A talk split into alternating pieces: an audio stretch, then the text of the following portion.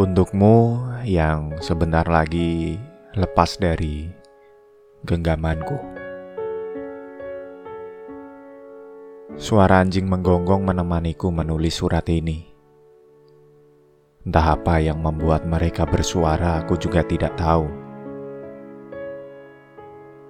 Mungkin karena waktu sudah menunjukkan pukul satu dini hari atau mungkin karena mereka lapar saja. Sepertinya memang orang yang sedang dihadapkan pada masalah besar sulit untuk pergi tidur. Tiap memejamkan mata, rasa-rasanya ada saja yang terlintas di kepala. Tepat empat jam lalu aku beranjak ke kasurku, aku coba tutup mataku. Bukan tidur yang aku dapat, malah pikiran tentangmu yang menggangguku. Dua jam aku hanya goler-goler di kasur tanpa ada hasil apa-apa.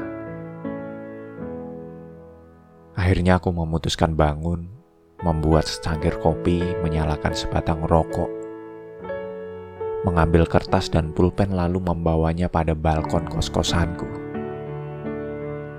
Aku tulis surat ini. Surat yang entah hanya tumpahan perasaanku atau entah akan aku benar-benar sampaikan padamu.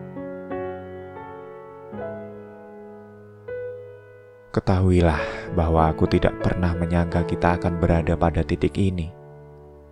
Titik di mana kita sudah merasa tidak lagi pantas menjadi kita tapi sekuat tenaga kita pertahankan karena kita tidak mau waktu yang kita lalui bersama terbuang sia-sia. Mungkin hanya itu alasan kita bertahan, sebab aku tahu hanya aku saat ini yang benar-benar mencintaimu. Aku berani bertaruh dengan segala hidupku bahwa kamu sudah tidak ada perasaan apa-apa padaku. Pergilah dengan berpamitan jika memang kamu rasa itu yang terbaik. Bertahanlah jika memang kamu merasa semuanya bisa diperbaiki. Segera perjelas semuanya. Semoga kamu mengerti bahwa menghilang tanpa kabar itu sungguh menyakitkan. Tertanda, aku.